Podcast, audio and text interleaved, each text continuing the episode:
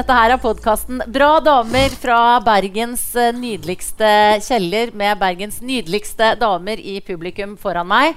Og på scenen som dagens uh, podkastgjest i denne live-versjonen og jeg må si, altså, Det er ikke noe sånn faka starstruckhet, men det er sånn ekte barndoms starstruckhet. For her sitter en av landets, uh, hvert fall på 80-tallets, største popstjerner. Solgt hundretusenvis av plater, har fått uh, Spellemann og vært på massevis av forsider. Toril Sivertsen. Klapp litt for Toril. Da. Tusen takk. Turil, det er jo litt sånn, Du har vært og hørt på podkasten min eh, ja. sammen med datteren din. Og ja. Da kom du bort til meg eh, dette er noen måneder siden, kom du bort til meg, og da ble jeg helt sånn Er det Tomboy Toril?! hvor, hvor, ofte får du den nå? Altså, det var, det var veldig hyggelig reaksjon. Altså, Men noen ganger har jeg tatt litt sånn synd i folk. For jeg ser de blir liksom så svette og, og, og, og uvel nesten. For de blir litt sånn øh, sant? Mm.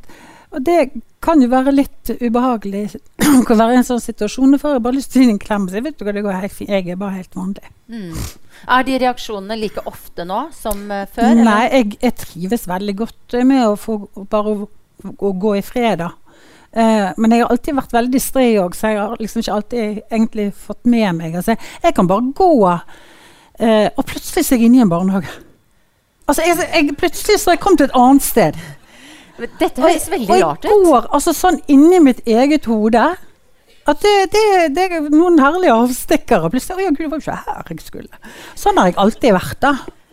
Eh, men eh, for en stund siden så, så, skulle jeg inn på butikk og, og, og kjøpe noen knagger av alt. Og så plutselig så hører jeg henne si 'Gud, er det Toril Sivertsen?' Og hun var så voldsom at jeg ble nesten redd. Og altså, gud vet du nå, altså.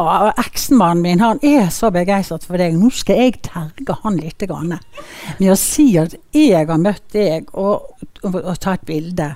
Og, og, jeg ble liksom dratt inn da i den greien deres og sånn. og, og så, eh, så, ble jeg litt sånn forfjamset og, og, og, gikk nesten og gjemte meg bak en hylle. Og sånn, og så tenkte jeg at hvis jeg hadde møtt en sånn til, ja. Da hadde jeg gått og gjemt meg på do. Ja.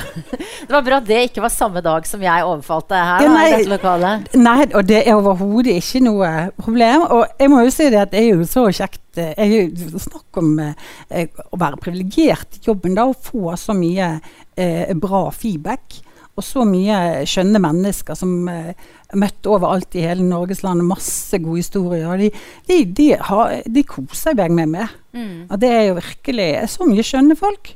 Men du, du, har jo en utrolig lang karriere. Nå har jeg sagt veldig mye om Tomboy, men du har jo gjort veldig mye aleine også som uh, soloartist.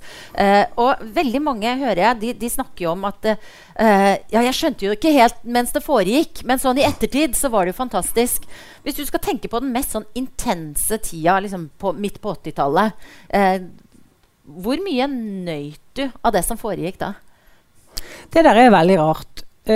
for det det var jo heller ingen som snakket om å være til stede i nuet på den tiden. Nå snakker man om det hele tiden. Mindfulness, være til stede i øyeblikket. Eh, men selvfølgelig så skjer jo det at det absurde da blir òg normalt. Eh, og at man skjønner først etterpå hvor stort det er, det man har vært med på. Det er jo liksom Å ja, vi har solgt ut Grieghallen. Ja, og så en til. Og så, så blir det bare sånn jeg burde jo bare lagt meg ned på gulvet og bare sånn Yes! Altså, er det mulig? Datteren til en søndagsskolelærer fra Follese får være med på dette her. Men jeg syns jo òg at det var veldig gøy. Det, det, det, jeg, jeg, var jo til stede i det. Mm. Men selvfølgelig, når det blir litt nært, så man litt avstand, så, så skjønner man mer, altså. Mm. Av hvor fantastisk. Og så er det jo veldig umulig å forklare hva som gjorde at vi slo sånn til. Det er ikke så lett. Det er liksom kanskje flaks, tilfeldigheter rett. Tror du det? Eh, det er jo ikke så veldig lett å vite hva som blir en suksess. Og jeg var veldig heldig så får jeg være med på det. For hvis ikke vi hadde fått suksess, sånn, så tror jeg ikke jeg hadde fortsatt å synge. liksom. Men du, det der med også, ikke sant? Nå har du nevnt Grieghallen, som dere solgte ut flere ganger. Og jeg vet jo at det var liksom helt sånn elleville tilstander eh, med eh, politiet og folkemengder og sånn, hvor enn dere reiste rundt om i Norge. Eh, hva gjorde det med deg? For du var jo ganske ung. Ja, jeg var bare Altså, jeg var jo 21 år når jeg em, Altså, det at jeg i det hele tatt begynte å synge, er jo et mysterium. For dette, jeg har aldri hatt lyst til det. Aldri! Jeg har aldri stått sånn med hoppetau og, og sunget og sånn. Jeg, var, jeg ville jo bare kappspringe med guttene og ta skeipetak og klatre i trær. Hva var det du ville ta, sa du? Skeipetak. Hva er det for noe? Å ja, det Det Er det sånn- ja. Oh, ja, det er hånd, håndbak, dere! Ja, ja. Ikke noe skeipetak nå, det slår meg. Det Nå nå er det håndbak. Så du var mer det fysiske. Men hvordan Ja. dukket denne syngingen opp likevel? Ja, fordi at jeg satt og sang uh, uten at Det gjorde jeg fra jeg var liten òg. Jeg satt og sang på bussen. For det var sånn lyd fra bussen, så tenkte du ingen som hører at jeg synger. Så, så jeg alltid bare sånn helt for meg sjøl. Og så gjorde jeg det når når vi var nede i kjellerstuen til, eh, til da, Per. var en grådig, stilig fyr. Mm. Den tøffeste. Gikk med bar overkropp i dongerijakke. og Og så satt jeg der og så bare så sang jeg litt Randy Crawford når hun sang, og Al og dette her. da, Og så klarte han å overtale meg til å synge. Uh, og, jeg, og han brukte flere måneder på å overtale meg. Og jeg, Hvordan gjorde han det? Uh, han bare maste. Og det jeg hadde, alt, jeg hadde jo ikke hørt min egen stemme. Jeg har hørt den på kassett litt. Vi spilte inn for å høre stemmen på kassett. Det, det var jo helt utrolig rart og veldig flaut. Og gud, det er stemmen min. Og, så det, at jeg skulle synge Nei, vet du, hva, jeg aner bare ikke hvordan det kom i stand, egentlig. Det er et mysterium fremdeles, nesten. Men, men når, når du da hadde blitt overtalt av han kjekkasen med bar overkropp og dongerijakke, og, du- og du begynte å synge Det må jo være Jeg tenker det er jo sånn av og til hvis jeg synger i bilen eh, uh, Og dere vet den derre Sarah McLachlan 'In the Arms of an Angel'. Av og til hvis jeg synger da, så tenker jeg det var dritfint. og, så, og, og selv om jeg vet at det ikke er sant, så er det jo liksom, det liksom den ene lille følelsen av at det er vakkert. Den må jo du ha fått, da. Ja, nei, så Altså Altså, ja, han måtte jo da gå ut av Løa som vi øvde i da, når jeg skulle synge inn. Og jeg, altså, jeg hadde jo så røde ører at jeg trodde på å falle av. Og, og så måtte jeg gå ut når han skulle høre på det, for dette orket bare ikke. Altså, jeg hadde skikkelig eh, nerver for det der, altså. Eh, men på et eller annet tidspunkt, ganske så kjapt, så fikk jeg tannkremtubeopplevelsen. Og det kan Det Nå ser jeg du stusser. For da plutselig så løsna det? Er det Altså, har du prøvd også putte Når du har klipp, Når du trykker på tannkremtuben, det er ikke så lett å få det inn igjen. Nei. Nei. nei. Sånn var det. Jeg skjønner fortsatt ikke hva det er. Nå skal jeg, skal, jeg, skal, jeg, skal, jeg er ikke ferdig. Oh. Slapp av. Når jeg da først begynte å synge, og jeg kjente hva det gjorde med meg Det å få ut den lyden, det å få ut det trøkket som jeg tydeligvis hadde inni meg, som jeg ikke var klar over sjøl, så var det helt vanvittig deilig. Og da var det ingen Det kunne jeg ikke snu. Hvor Så var, det altså, gikk sånn, altså. og og det, det øyeblikket der, hvor, hvor var du da? Nei, det var fremdeles kanskje en annen dag, da oppe i Løa, der som vi øvde, da. Så jeg var ikke kommet lenger ut da, men det skjedde veldig fort da. For jeg hadde egentlig bare to uh, på disken. Det er ikke som her i Bergen, eh, det var i kjelleren på Hotell Norge. Der hadde jeg første jobben min, og andre. Og så fikk vi platekontrakt, og så året etterpå så var jeg på norgesturné. Jeg hadde jo ingen erfaring. Veldig bratt eh, læringskurve. Og jeg var sikkert ganske sånn uh, i sjokk òg, på en måte. da. Fordi at vi fikk suksess med første album. Så det gikk veldig fort. Ops. Hvor hentet du da den tryggheten til å takle den suksessen som da innebar å stå på store scener og TV-show? Jeg tror det at jeg var i sjokk Nei, jeg var det. Nei, men jeg var jo med kameratene mine. Det ga veldig trygghet. Hadde, de har jeg kjent hele livet. Og, eh, og, og det å være i det bandet med de Eh, som jeg har liksom Jeg har sittet og drukket te og røkt gullsnitt og, og hørt på musikk i en årrekke før den tannkremtubeopplevelsen. Så føltes det på en måte trygt, da. Og så ble det òg en veldig sånn aha-opplevelse for meg at jeg faktisk trivdes veldig godt på scenen. Mm. Elsket det. Så, så den type eh, prestasjonsangst som man hører noen snakker om, hvor mye har du kjent på det? Eh, så tidlig så hadde jeg faktisk ikke det. Det var bare sånn rå kraft. Og så selvfølgelig hjalp det at vi fikk suksess, da.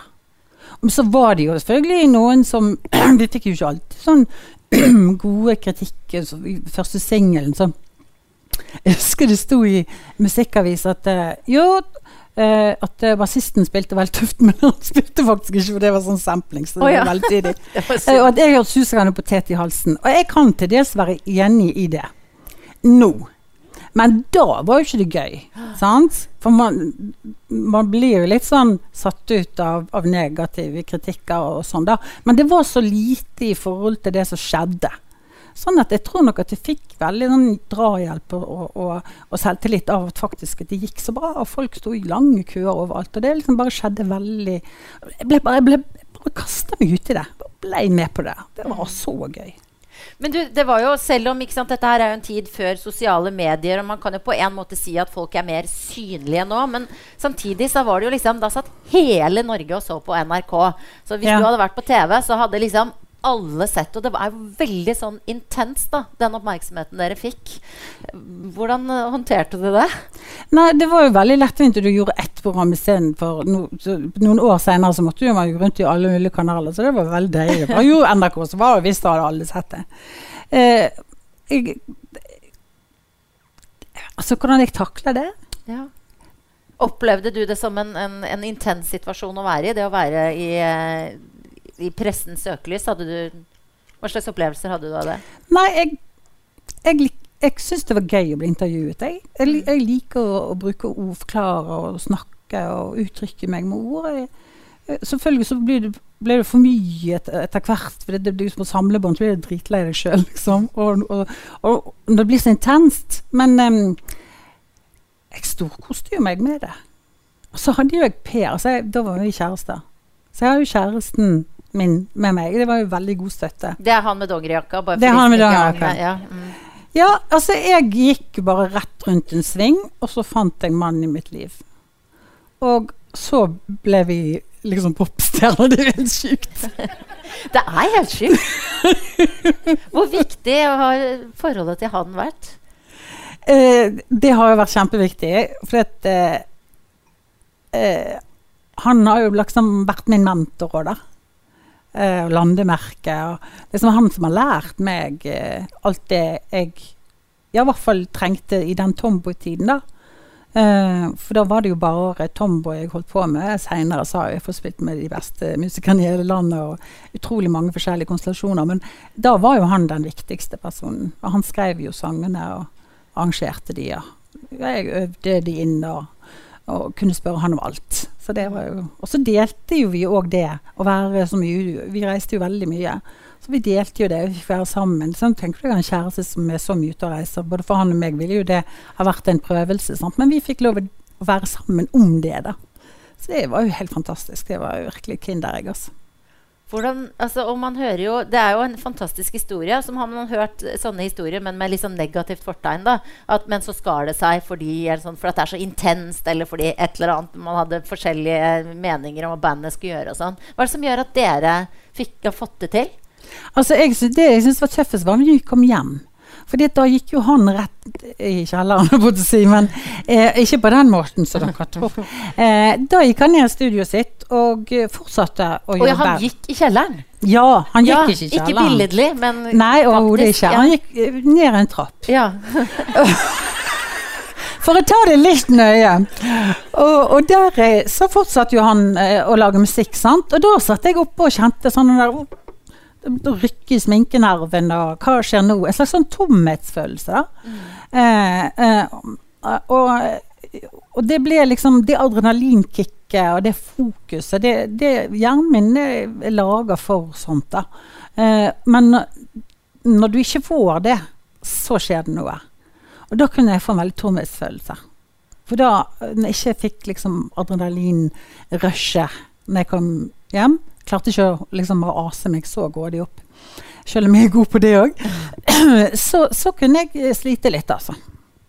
Men eh, så skulle vi jo ut igjen der, så. Da var Hvordan takla du de der rolige periodene hvor det ble tomt? Hva, hva gjorde du da? Nei, da blir det mye trolldeig. Og krydderbuketter og så bra du tantebarn. kunne svart narkotika! Men så svarte du trolldeig! Det er jo helt nydelig. Og jeg drakk jo ikke engang! Nei. Altså, for det var liksom veslevoksen som bestemte meg for at nei, nå Nå eh, må jeg være klar i, ho i hodet. nå, nå med dette som skal skje. Uten at jeg visste egentlig hva som kom til å skje. da. Eh, og så så da, da var ikke det mer hvitvin. Eh, Men så du eh, når, Nå må jeg passe på ung, denne stemmen, Ja. tenkte jeg. er det noe du, Har du holdt deg til det? Å, og, og passe på stemmen. Ja, eller og ikke drikke alkohol? Eh, Nei, å nei, gud, takk og lov. Jeg begynte å Nei, gud hjelpes det. Eh, nei da, det gikk over. Men det er jo en veldig sånn, eh, veldig sånn eh, moden avgjørelse å ta i ung alder, da. Ja. En annen ting er jo at du var eh, eh, Som man snakker veldig mye om nå, et forbilde. Og det har du jo vært gjennom hele din karriere. Eh, eh, et forbilde for eh, andre artister, eh, andre kvinner som er ikke sånn Vet du hva? Jeg var på Askøy med pappa på jobb. Eh, og skulle skulle måle støy inni masse leiligheter og sånn. Eh, og da ble jeg med for at jeg visste at du bodde på Askøy. Så jeg visste, så, og så mens jeg hadde satt i bilen til pappa vi kjørte rundt, sånn, så tenkte jeg at det er en viss sjanse for at jeg møter Altså det var ikke nå, men det var, liksom, det var på, på 80-tallet. Ja. Sånn, Så allerede da så var du så sterkt i min bevissthet. Og sånn har det vært hos mange. Mm. Var det altså Hvordan har du opplevd det? Har du tenkt Nei, på det? altså jeg var jo igjen da til byen gikk og skulle, skulle svømme i, i, i sentralbadet med tantebarna mine og sånn, og så plutselig kom det liksom løp. Jeg tenkte gud, det- brenner det noe sted? Hva er det som skjer her? Og kom kanskje en hel sånn skoleklasse løpende der. Og så, og så var det meg de som kasta seg over, og jeg måtte forklare helt rolig nå. Det er dette skal gå til de tantebarna mine, for de skjønte jo hvor- overhodet ikke hva som skjedde. Og, og så måtte jeg stå der og så skrive autografer og sånn, da, og så gikk jeg videre. Men tenker du at uh, du på noen måte kan være en, har vært en inspirasjon for uh, andre?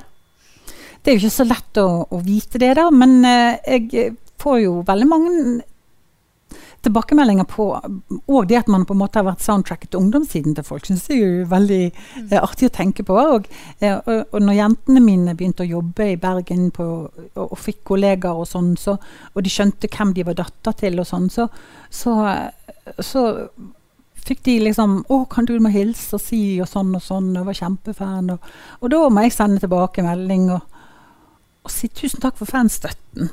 Altså, Mm. for det, Uten at noen blir begeistret, så skjer det jo veldig lite. da. Så er det en sånn pussig situasjon. For, jeg- for det var sånn skikk, en som var så skikkelig venn som var sjefen til datteren min, og så på, ut på verft. Og så, så tenkte jeg men finn, se om jeg kan finne noen av de gamle eh, fankortene vi, sånn som vi lagde. da. Og så, så fant jeg et med sånn rosa, og så vi alle veldig stylet. gjorde Sånn sjåret rett opp. Og, Ja, og, og så satt jeg nå der ved skrivepulten min, og så skrev jeg til, og så fikk jeg sånn skikkelig sånn Gud, tenk hvis jeg liksom bare satt sånn, så tragisk, og skrev på sånne endog, sant? Ja, ja. Og, og hadde noen i skuffen og skrev litt om det. Nå må vi på å lese i hjel. Det sånn, I vår familie så bare lager vi sånne rare scenarioer. Og så, for sånn er det jo ikke lenger. Men det var veldig gøy å skrive, skrive det til denne personen, da. Og på det der med det bildet hvor du var sånn superstyla For Ja. at det, det er jo helt fantastisk. Jeg har jo kost meg nå de siste dagene å se igjen gamle musikkvideoer. Og det er bare, det er, altså, det er bare Estetikken er helt enormt. Den bare slår deg i øya. Positivt. Og også litt sånn wow! Ja. Altså, men, men eh, hvor stor del av altså, Hvor mye var deg der, var, eller, og hvor mye var noen andre? Av stilen og det visuelle uttrykket du Ja. hadde? Nei, altså, jeg, jeg, jeg husker egentlig ikke hvorfor jeg klippte meg. Eh, fordi at jeg har liksom alltid hatt litt langt hår. Så det var litt tilfeldig, da. Og så eh, ble det kortere og kortere. Og til slutt så ble det bare sånn at det var så utrolig deilig. Du tok baki her, så kjente sånn teppe. Sånn helt sånn kort. Og så tror jeg jeg, følte meg veldig sånn sterk. Eh, det ga meg på en måte en slags sånn styrke å være, ha veldig kort hår. Jeg følte at det passet liksom til min personlighet. Og, for jeg har egentlig alltid følt meg litt gutt. For jeg har liksom sånn det med å klatre i trærne, og jeg lekte masse med gutter da jeg var liten, og syntes det var veldig gøy med futt og fart og sånn, da. Så, så det tror jeg bare, det bare ble sånn, da. Og så har jeg aldri likt at noen skal bestemme hva jeg skal gå med. Aldri. Så jeg bestemte det sjøl, da. Men så kom jeg i kontakt med mange kule folk som sydde masse fine skinnklær til meg, og fikk mye fint og, og sånn, da. Jeg har alltid syntes det var gøy å, å, å kle meg ut. Ja, og, og jeg kledde jo ikke meg ut i Trondheim, men jeg, jeg syntes det var gøy å kle Jeg alltid syntes det var gøy med, med klær som uttrykk, da, for å understreke både humør og stemning og personlighet og alt. Så det, ja, det var, det var bare helt naturlig. Brukte ikke mye tid på det, egentlig. Og det gjenspeiler jo veldig den derre eh, råskapen, beskrev du det vel som, som, den, som du fikk da du gikk på scenen. Eh, du har alltid hatt et veldig sånn sterkt uttrykk. Og jeg tror jeg har lest et intervju med deg at du har beskrevet at du har, at du har hatt mye uro inni deg. Og dermed så har det liksom sikkert passa å stå Ja. på scenen og få det ut. Eh, hvordan kjennes det nå? For nå står du ikke så mye på scenen lenger. Nei, Hvordan går det med den der? altså jeg, jeg, jeg har jo fått liksom utfoldt meg veldig mye. Og det har vært utrolig bra. Jeg, liksom- og det har jeg flere som sier. Liksom, etter man kommer liksom, har gjort en konsert, snill som et lam. Få ut så mye eh, sant, eh, greier. Og, og, og det, det har, tror jeg har vært veldig viktig for meg. Det, var veldig, det kledde meg, det. Den fysiske det å være så, få lov å være så fysisk. Og selvfølgelig så alltid sånn, Du ser seg selv på TV, kan være så flaut. Man blir så altfor selvbevisst. Og sånn der. Og jeg har til og med hatt det sånn hvis jeg skal ha et utekonsert, og så har jeg lagt liksom i fosterstilling på hotellrommet. Så Gud, skal jeg synge utover hele byen? Og Gud, hvor flaut det blir. Men så kom ut på scenen, bare glemme alt. Og da er jeg så til stede. Inni den bobla der. Det er så deilig. Så det, ja. Det, altså, musikk er jo terapi. Og for meg har det også vært det. Både å lytte masse til musikk, og være omgitt av musikk, og tøyse med musikk. Og danse, og selvfølgelig scenelivet. Og så hadde dere et sånt uh, lite comeback på 2000-tallet. Og du har jo, som du, vi har snakka om, gjort masse, masse egne greier. Sunget blues og sånn. Men det er veldig lenge siden vi har sett deg på en scene nå. Mm. Så, så nå synger du rett og slett ikke lenger? Altså, det er ikke frivillig at jeg ikke synger. Jeg, ble, jeg fikk en sykdom for fire år siden som har tatt kreftene mine. Det er ikke noe sånn at jeg eh, livstruende eller noe sånt, da. men jeg lever med så sterke smerter at jeg klar, klarte ikke mer. Eh, og så hadde jeg nok vært sliten noen år før det òg. Så, eh, så Og det kan jeg kjenne er et savn, selvfølgelig. Men så er det jo òg noe med at når ikke du klarer det, så klarer jeg ikke helt altså, så savner det på den vondeste måten. For jeg klarer det ikke. Altså eh, Klarer ikke fordi du er for sliten og har vondt i kroppen? Eller Mm. er, har det med stemmebånd å gjøre også? Nei, Hvordan forklare det? ja, altså jeg, jeg, Ikke isolert sett eh, stemmebåndene, men um, Men det, det er det at eh, jeg ikke Jeg ikke klarer å stå Jeg klarer ikke Hele pakken, liksom. Mm. Men likevel så kommer du hit og var utrolig positiv da jeg spurte deg om du ville komme og være gjest her. Eh, hvor finner du de kreftene til å mobilisere når du da har så vondt som jeg veit at du Ja. har i kroppen? Akkurat dette er jo veldig tidsbegrenset. Ja. ja, altså vi kan prate lenge. Eh, og så hadde jeg Jeg hadde veldig lyst Jeg har ikke prøvd akkurat det før. Så jeg jeg liksom tenkte at det må være innafor. Så er det jo òg godt å komme seg litt ut. Ja. jeg er veldig glad for at du er her, Toril. Og jeg syns, jeg syns jo det er eh, Syns jo det er eh, interessant å tenke på dette her Altså møter jo stadig kolleger eller bekjente som på et eller annet vis eh, har møtt veggen eller blitt sjuk, eller som skal pensjonere seg, og som merker hvor mye av identiteten som ligger i jobben. Og så Mm. får de et slags lite sånn der moment hvor de bare Ja, men hvem er jeg nå, når jeg ikke gjør den jobben jeg alltid har Mm. gjort? Hvor mye har du tenkt på det? Eh, jeg, jeg har jo tenkt en del på det. Eh, og, men jeg tror faktisk jeg, var, jeg tenkte enda mer på det når jeg, jeg kom til et punkt uh, for Jeg ga ut to soloplater, og så ga jeg ut en plate med Notodden Blues Band. Og så gjorde jeg masse eh, sceneshow, både på Edderkoppen og i Tønsberg og på, på Chat Noir.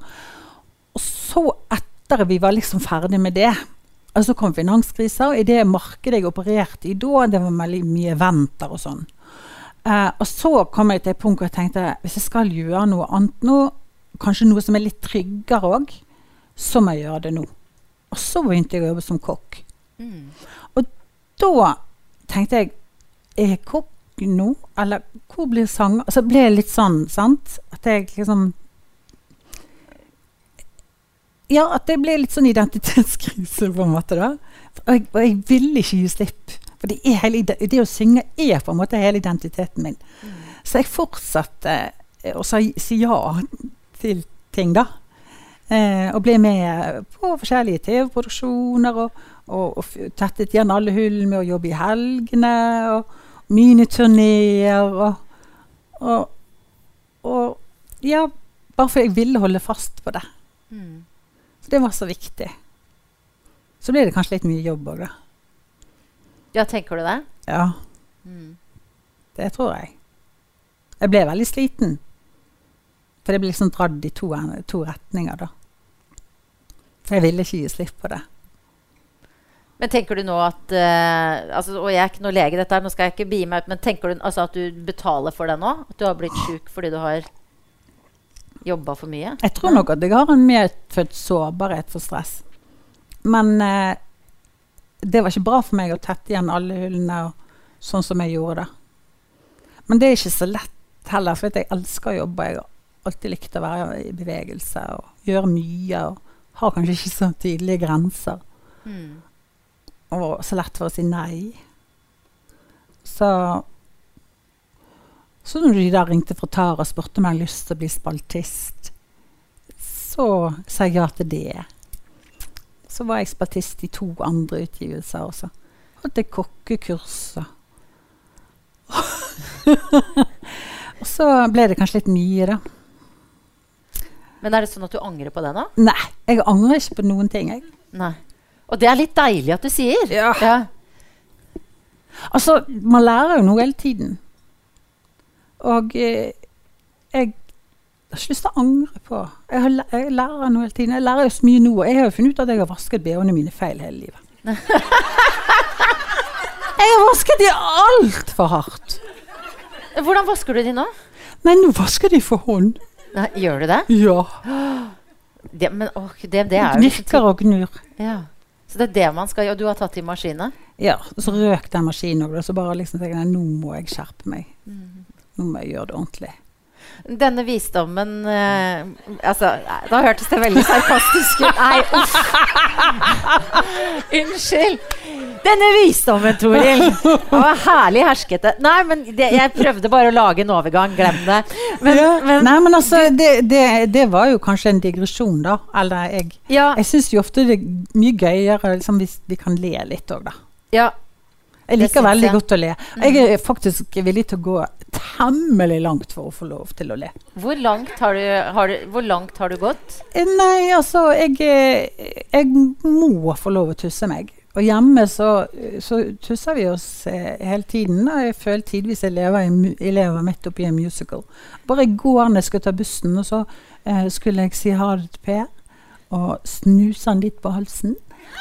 Og så, ett sekund etterpå, så danset de. Til sånn 1920-tallsmusikk eh, som han satte på. Og før jeg visste ordet av det, hadde han på seg en stråhatt. Og jeg skulle jo bare rekke bussen. Og så sa jeg det, at, vet du hva, nå må jeg gå. Men vi kan, eh, vi kan danse litt mer seinere. Ha det godt. Det er fantastisk.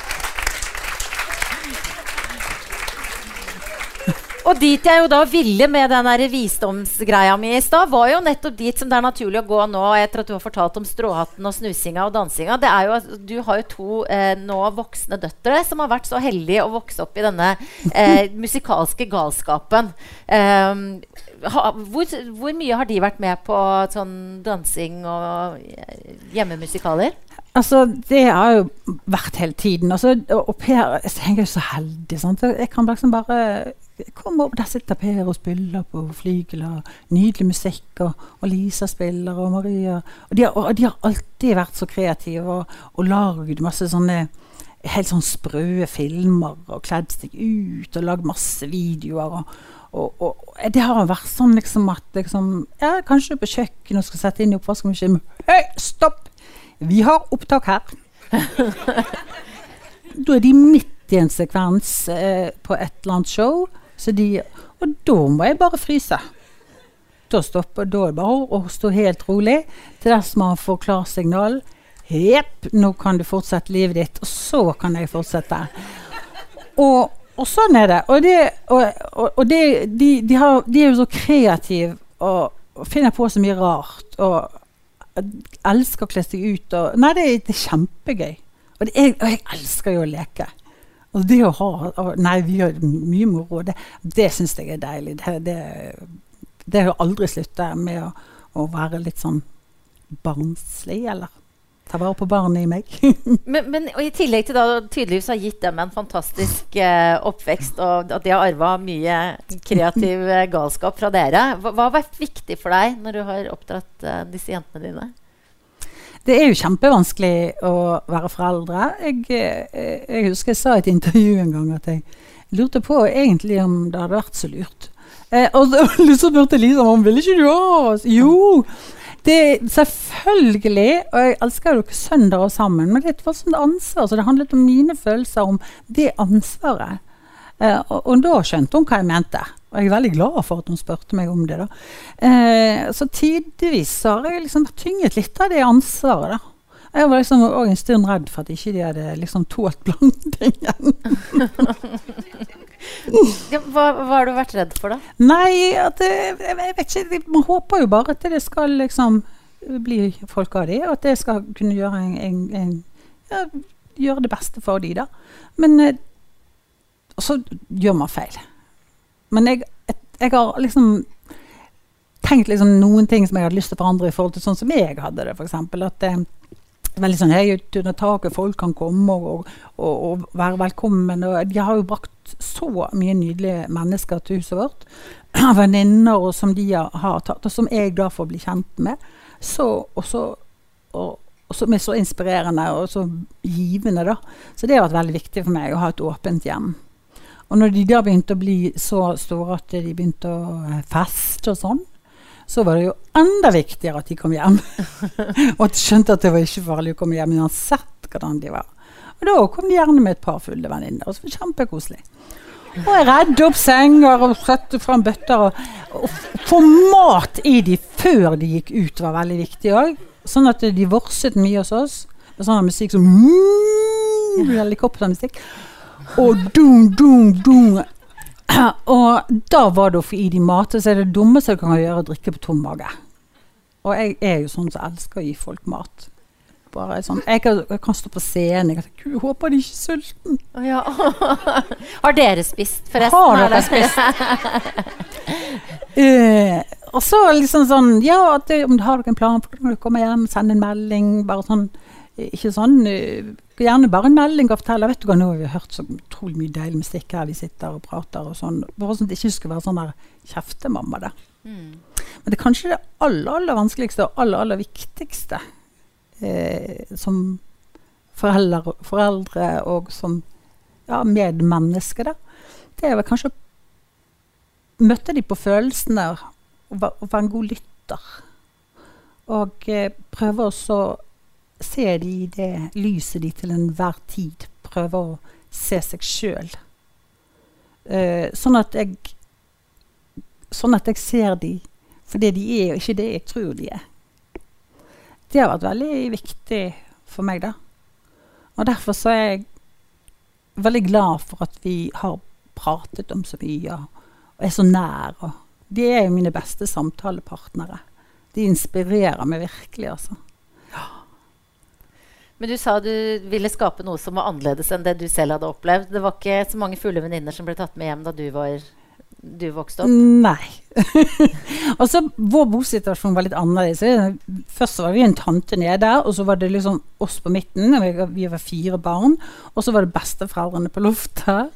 Og det var, og det var jo litt sånn eh, Det var litt mye. Mm. Og, og jeg husker liksom Jeg skal aldri bo i hus med noen. Og så det første vi gjorde liksom Vi, vi giftet oss jo tidlig, og vi var bare 23 år. Jeg skjønner ikke hvorfor vi skulle gifte oss, men det var vel sånn, da. Uh, og vi kjøpte oss hus. Uh, eget hus. Og jeg har aldri flyttet derifra. Jeg har aldri flyttet noen andre steder heller. Det er Og så, og så det bestemte for skal aldri og Det var litt sånn trangt og litt mye sånn konflikter som det blir, sant. Og så var det jo Ja, pappa han likte korpsmusikk. Jeg hatet jo korpsmusikk. Og han likte jo ikke altså vi, Det var litt sånn ufritt, da. Var, jeg har ofte følt at jeg liksom eh, At jeg eh, kom fra en annen kultur, nærmest. Eh, jeg følte meg som en litt sånn fremmed fugl, da. Liksom, ja, jeg gikk jo på søndagsskolen til jeg var 14 år. Og så gikk vi på losjen òg. Vi sto der som edruskapets små soldater og lovde at vi skulle ikke eh, drikke, for da kunne vi få løsung og alt mulig. Og da hadde vi jo akkurat vært på søndagsskolen, og der var det jo Jesus drakk jo vin hver dag. Så det var jo et eller annet der som ikke stemte helt, da. Så det måtte ikke vi tenke så mye på når vi var på losjen. Eh, så, så det var jo litt sånn Ja, enten var du å si kristen, eller så var du eh, hedning, og da var djevelen der. Eh, og, og de skulle jo lukt ned, og vi skulle jo da forhåpentligvis opp. Eh, hvis du har valg som barn om du vil opp eller ned, så velger man jo gjerne opp. Så, um, så det tok faktisk lang tid før jeg begynte å tenke selvstendig òg, da. Så det ble kanskje litt, var kanskje litt for trangt for meg. Det, det var litt sånn litt tungt. Så derfor så ville jeg ha et sånt hjem med masse, masse, Hvor det er masse stor gøy. plass.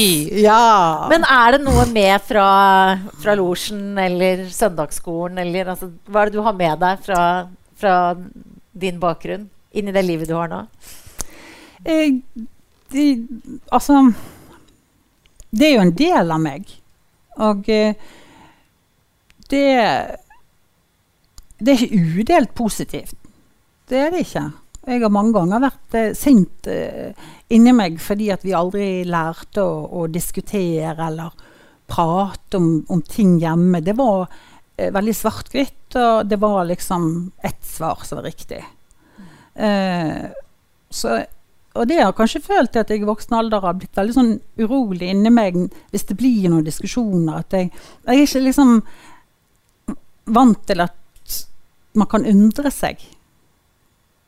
Eh, så det også har vært veldig viktig for meg, at vi kan undre oss. Ja. At det kanskje ikke være så opptatt av hva som er liksom rett svar. Så, så jeg føler òg at det har eh, At den motreaksjonen har gjort at jeg har vært veldig tydelig i mine valg. Da. Men det tok en stund før jeg tørde å begynne å, å tenke egne tanker. Da. Men nå tenker jeg veldig mange egne tanker. Ja, det tror jeg på. ass. Du, eh, såpass selvstendig har du vært at du har tatt med deg en eh, ting eh, som sier noe om hvem du er. Ja. Det var til og med sånn Da jeg snakka med Toril eh, for noen dager siden, så var det hun som måtte minne meg på Du skal ikke ta med noe som sier noe om hvem jeg er. Så det er, veldig, det er liksom den perfekte gjest. ja, bare så hyggelig, du. Hva, vil du ha, hva har du Jeg, tatt med? ja, altså jeg har tatt med meg Det er litt sånn todelt, da. Eh, jeg har tatt med meg en alpelue, og det er ikke fordi at jeg elsker å gå med hatt. Jeg liker faktisk ikke å gå med hatt.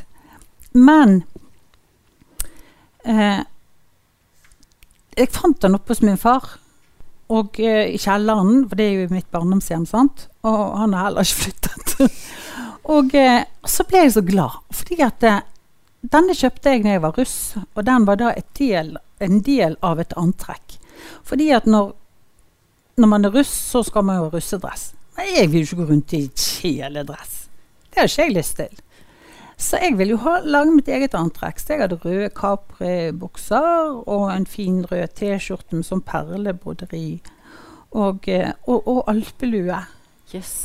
Um, og så ble jeg så glad når jeg fant den, for det minte meg på at eh, den jenten gjorde akkurat det hun hadde lyst til. Og at det var lett for meg å, å, å ta den avgjørelsen at jeg ikke hadde lyst til å være sånn som de andre. Og så er det et bilde jeg har fått av Per, som på en måte òg beskriver hvor jeg har lyst, eller hvor jeg trenger å identifisere eller feste min identitet. da. Og det er et bilde av Det er en sånn Barren heter det. Jeg måtte faktisk google i dag så jeg sier det riktig, for det er så viktig å få det riktig det jeg skal si nå. Det, det er den stangen som ballettdanserne holder seg i sånn, når de står og skal gjøre sånn eh, øvelser. Og så er det bilder De er kanskje bare tre av de jentene, da. Sånn fin opp sånn med hestehale og disse små struttene. Og, og så ser du at de står der og har så lyst til å gjøre det riktig. Eh, og virkelig sånn Ja, de ser nesten litt sånn fanget ut i det. Og så henger det en herlig opp ned ved siden av. Og det er deg? Og det er meg! I wanna be that girl! Ja. Men det er det jo, Toril. Håret der og skjørtet opp og Fantastisk! Jeg vil være hun. Jeg vil være hun. Men så er det todelt, da. Fordi at dette er et forkle som jeg fikk av mine gode kollegaer den tiden jeg var kokk. Og der er det altså bilder av Ingrid Espelid. Eh, og nå lurer dere på hvorfor jeg tar med meg et så grådig skittent forkle. Ja, sånn, er dette matrester? Ja, det, nei, det er ikke det. Men der er Ingrid Espelid. Å ja, se her, ja. Foran er Sant? det bilde av Og en gang så var jo det helt rent det forkleet. Mm. Og eh, jeg elsker Ingrid Espelid. Nå er ikke hun lenger blant oss. Men eh, altså, jeg, er, jeg har fått gleden av å møte henne, og hun er bare helt fantastisk. Og så er det jo sånn at nå er jo ikke jeg kokk lenger, men så har jeg fått en ny hobby. Det er å male. Ja, det er derav alle flekkene. Så alt ja, ja. Nå er ikke det saus og sånn på forkleet mitt. Nå er det maling. Og det har hjulpet meg veldig disse årene. Det å få komme i flyt. Det å flytte tankene, få renske hodet, ta liksom eh, Ja, finne et nytt sted, da. Og det, jeg er så glad for at jeg er kreativ. Det er virkelig det jeg verdsetter mest av det som er på en måte meg, da. Eh, så nå har jeg så stor glede av det. Og så vil jeg ta det med òg, da. Fordi at når man driver med kunst opp igjen, i hvert fall som bilder, så ser det ut som alpelue. Ja. Så sirkelen er på en måte sluttet, Ja! da. Du er tilbake til alpeluejenta med masse maling på forkleet ditt. Ja. Det er et nydelig bilde. Og Ingrid Espelid. Og Ingrid Espelid, hun skal vi ikke glemme. Nei. Det er den ultimate bra dama. Ja. Og du har jo hørt på denne podkasten, vet jeg. Det er jeg veldig takknemlig for. Og derfor så vet du også at jeg pleier, i hvert fall når jeg husker det, å ha tre sånne kjappe spørsmål Ja. til slutt. Um, og det ene er Hva spiste du til frokost i dag? Spiste jeg eh, to skiver og drakk en kopp te. Uh, vil du ha pålegg òg? Ja, det er ikke så farlig. Ble det noe musikal? Hva? Ble det noe musikalt i frokosten i dag? Nei, i dag var det helt stille. Ja. Mm. Hvordan trives du i stillheten, da? Veldig godt. Mm. Jeg eh, må være masse aleine for å hente meg inn. Uh, så jeg syns det er utrolig deilig med stillhet. Ja, elsker det. Trenger det. Hvor lang tid brukte du på å finne ut hva du skulle ha på deg i dag? Jeg brukte ikke lang tid i det hele tatt. Siden det er mange som sitter og hører på dette, eller som kommer til å høre dette, så er, altså, Nå har vi jo snakket mye om kort hår og crazy 80-tallsoutfit, men, men Toril har en uh, veldig fin bluse med blomster på. Det, Ja. mm. Litt sånn Marimekko-ish. ja, veldig kul. For jeg kan ikke ha for mye sånn blomster, da, da blir det feil. Men denne, denne falt jeg for, ja. Mm. Bruker du like altså, Du hadde jo et veldig sånn tydelig som scene eh, Som artist så hadde du et veldig sånn tydelig visuelt uttrykk. Hvor viktig del av det deg er det nå? Jeg elsker å pynte meg. Mm. Ja. Men i hverdagen så går jeg jo nå rundt i kjortel og, uh, ja. og forkle med barneflekker.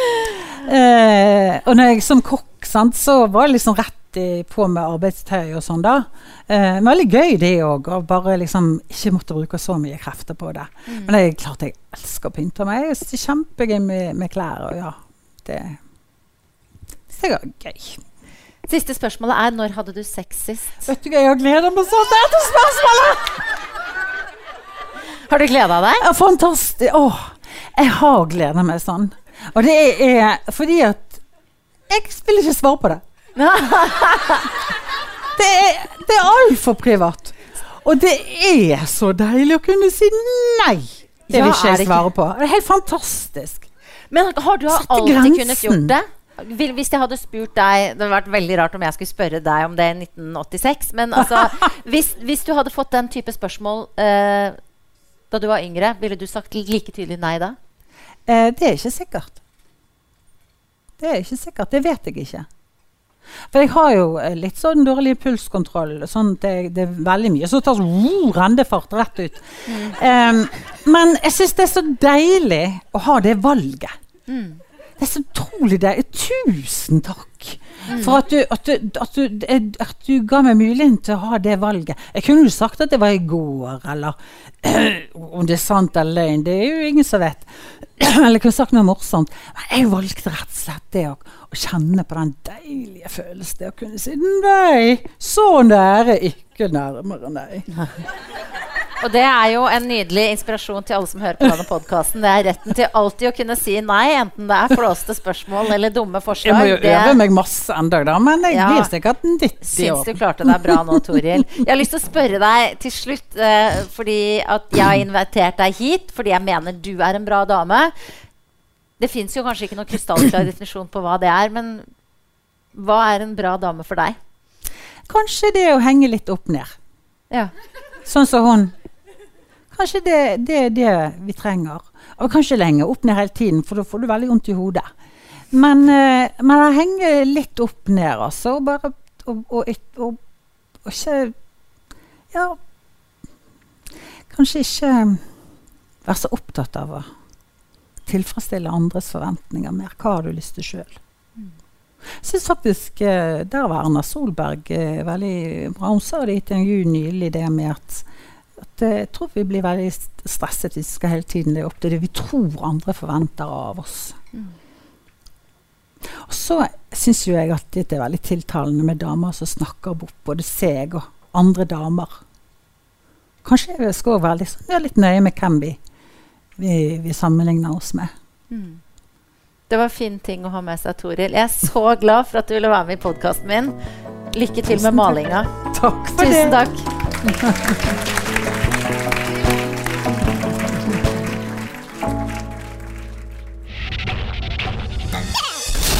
Monster.